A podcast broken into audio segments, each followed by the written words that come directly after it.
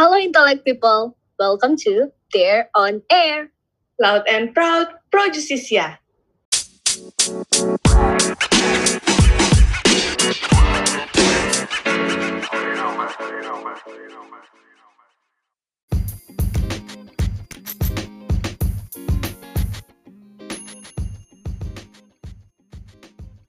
Hello Intellect People, welcome to podcast Dare on Air.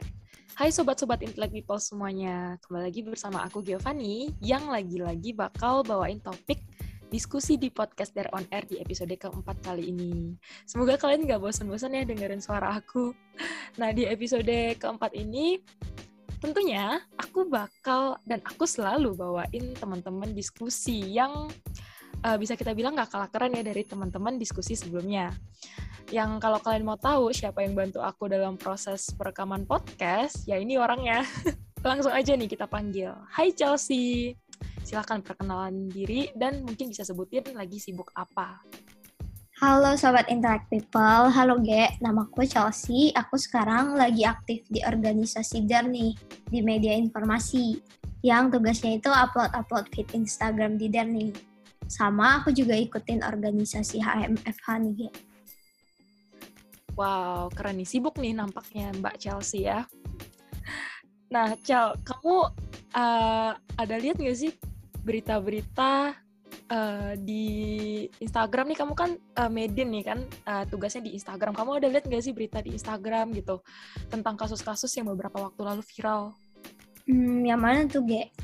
Yang kamu maksud? Itu, itu loh yang uh, public figure yang terkenal dari investasi-investasi itu yang di suatu platform lah. Oh, aku ada denger sih. Itu kayaknya nggak hanya viral di berita aja deh. Kayaknya di sosial media kayak Instagram, TikTok juga banyak tuh yang ngebahas investasi-investasi bodong yang dilakukan sama public figure itu.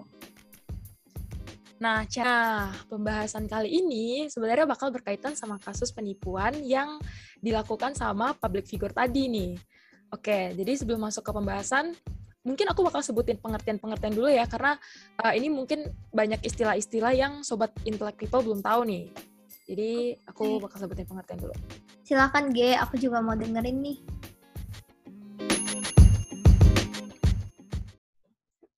Oke, jadi uh, online trading merupakan suatu sistem perdagangan yang dilakukan secara online melalui suatu perangkat dengan menggunakan internet.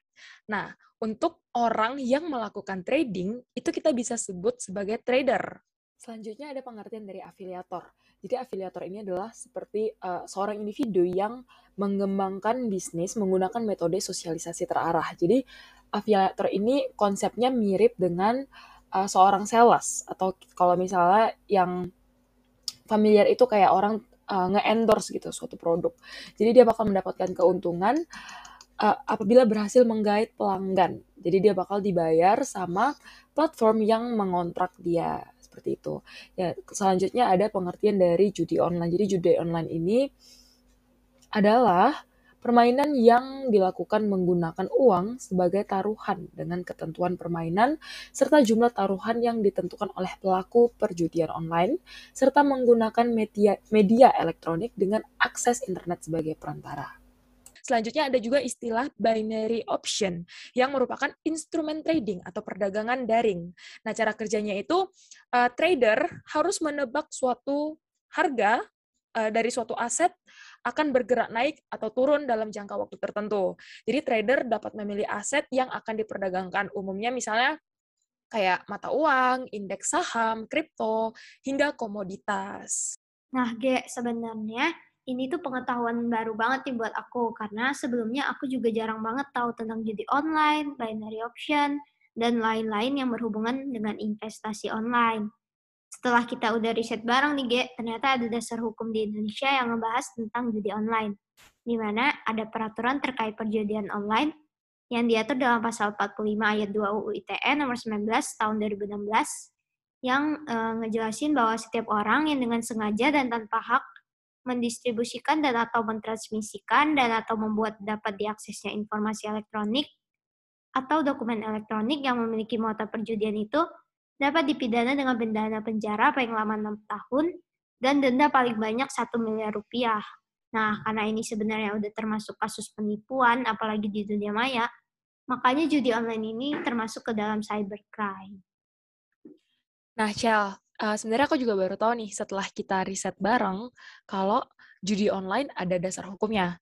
Nah, untuk sobat intellect people mungkin bertanya, kenapa kasus ini termasuk judi online? Karena oknum ini menggunakan uh, konsep binary option di mana seperti yang aku sebutin tadi, binary option ini kan istilahnya seperti menebak-nebak apakah grafik uh, akan naik atau turun. Di sini mengartikan kalau misalnya naik nih, trader ya akan mendapatkan keuntungan, begitu juga kalau sebaliknya kalau turun uh, ya trader bakalan rugi. Jadi uh, kasusnya mirip konsepnya kayak judi, tapi ini dilakukan secara online. Nah, tapi Cel, apa sih faktor seseorang atau trader melakukan judi online melalui mekanisme binary option ini?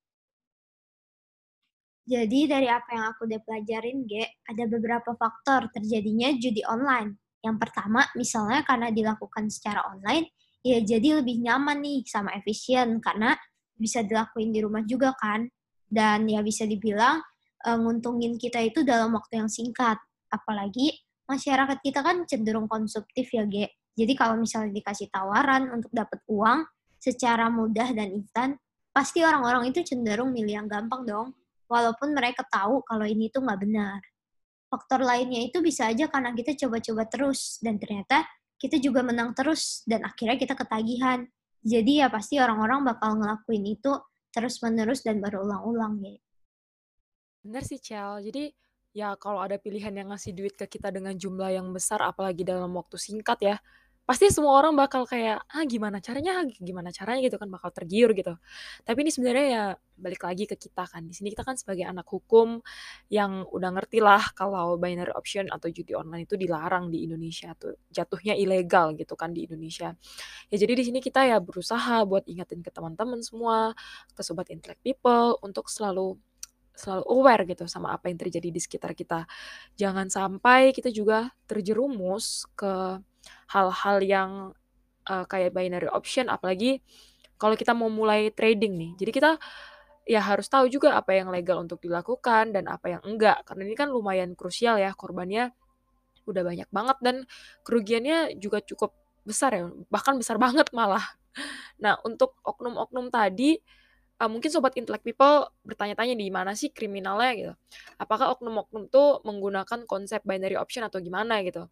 Jadi kalau misalnya kita ngebahas tentang kasus yang lagi viral ini, sebenarnya oknum-oknum tadi kan berperan sebagai afiliator ya, yang udah aku sebutin tadi di awal-awal tentang afiliator tuh di mana mereka udah bekerja sama dengan platform tradingnya di sini. Jadi mereka cenderung menipu menipu nih, udah jatuhnya udah menipu ya, menipu, menipu trader dengan mengarahkan ke option yang salah. Jadi uh, si oknum ini kayak istilahnya ngehasut gitu si tradernya ya udah kamu pakai uh, binary option aja gitu. Tapi diarahin ke yang salah. Jadi misalnya kayak grafiknya naik gitu, seharusnya naik tapi malah diarahin kalau grafiknya itu bakal turun. Jadi trader ini bakal rugi kan. Nah, keuntungannya si afiliator itu ya dari kerugian si trader itu. Nah, Chel, uh, sebenarnya kan seperti yang aku bilang, binary option ini kan ilegal kan di Indonesia. Bahkan platformnya sendiri, platform trading yang digunakan sama public figure ini oleh oknum-oknum ini, itu sebenarnya juga ilegal. Artinya apa? Artinya kan gak terdaftar di OJK kan. Tapi uh, aku mau tanya nih, Cal, ada nggak sih kayak lembaga yang mengatur atau mengawasi kegiatan perdagangan kayak trading ini? Nah, ada G, namanya itu Bapeti atau Badan Pengawas Perdagangan Berjangka Komoditi. Jadi lembaga ini tuh merupakan lembaga milik pemerintah yang ada di bawah naungan Kementerian Perdagangan Republik Indonesia. Jadi Bapeti ini tuh punya tugas Salah satunya itu untuk melakukan pengawasan dan pengaturan terkait perdagangan berjangka.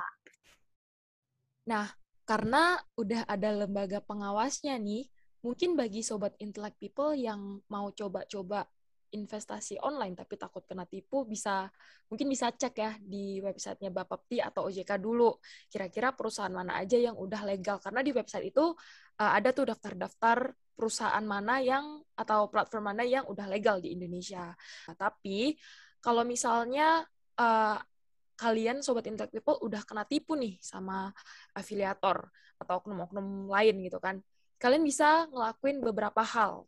Yaitu yang pertama kalian bisa mengirim email ke Kominfo uh, yaitu emailnya pengaduan konten at mail.kominfo.go.id dengan memberikan link dan beberapa bukti secara terinci. Lalu yang kedua, kalian bisa lewat website ya, websitenya di trustpositive.kominfo.go.id. Nah, di website itu uh, ada beberapa kolom yang nantinya bakal diisi laporan penipuan yang sudah dialami. Kemudian yang ketiga, uh, bisa melaporkannya melalui kepolisian, uh, di mana kalian bisa ngelaporin ke pihak berwajib dengan mendatangi kantor kepolisian secara langsung atau ke call center Polri di 110. Kamu kan tadi ada singgung nih, Ge, tentang perusahaan yang legal di OJK. Aku mau nambahin cara cari tahu apakah suatu perusahaan itu legal apa enggak. Jadi seperti yang udah kamu bilang tadi, kita tuh bisa lihat suatu perusahaan atau platform sudah terregulasi atau belum dari website OJK atau dari website Bapti. Tapi kalau pakai broker yang berasal dari luar negeri, kita itu bisa cek dari WikiFX yang memiliki skor itu lebih dari 6. Kemudian dicampur dengan data yang berasal dari Forex Pitch Army, nilainya itu harus lebih dari 3. Nah, kalau brokernya belum terregulasi, kemungkinan besar itu brokernya itu ilegal. Terus yang kedua, eh, apabila ada robot trading yang menawarkan hasil besar, itu juga perlu dicurigai karena kita juga harus perhatiin performa robot trading. Karena robot trading yang resmi itu uh, biasanya tuh ngalamin beberapa resiko penurunan dan juga dapat dilihat dari sistem algoritma sama proses yang terjadi selama melakukan trading. Nah, kalau yang ilegal itu performanya itu cenderung selalu naik yang berasal dari hasil manipulasi beberapa oknum. Terus kita juga harus lihat nih dari rekam jejaknya, di mana harus dipastikan Setidaknya itu 1 sampai 2 tahun rekam jejak dari robot trading yang dipilih. Biasanya itu cara kerjanya akan terlihat sehingga dapat dijadikan bahan pertimbangan saat milih robot trading. Nah, G, karena kita udah di ujung diskusi nih, aku mau kasih kesimpulan secara singkat aja ya. Jadi, uh, investasi itu tidak selalu terkait dengan masalah keuntungan secara materi saja, tapi ada satu hal yang lebih penting, yaitu kejujuran. Waduh, Chelsea Tegun nih. Oke, Chal. Jadi, um, karena keterbatasan waktu nih, sayang banget ya diskusi episode 4 kali ini uh, sampai di sini dulu. Oke nih, Ga. Buat intellect people, semoga topik hari ini tuh bermanfaat ya. Apalagi kalau mau mulai investasi nih. Kalian jangan sampai termakan sama investasi bodong yang nawarin keuntungan besar, padahal ilegal jatuhnya. Iya, bener banget. Setuju sih aku sama kamu, Cal. Jadi, uh, kalau buat Sobat Intellect People, ada mau request topik podcast selanjutnya atau mau kasih kritik atau saran gitu, boleh banget kirim ke email there di debate and research team at gmail.com atau di Instagram there di at there underscore UPH. Kalau gitu, sekian dari kita. Stay loud and proud. Pro Justisia.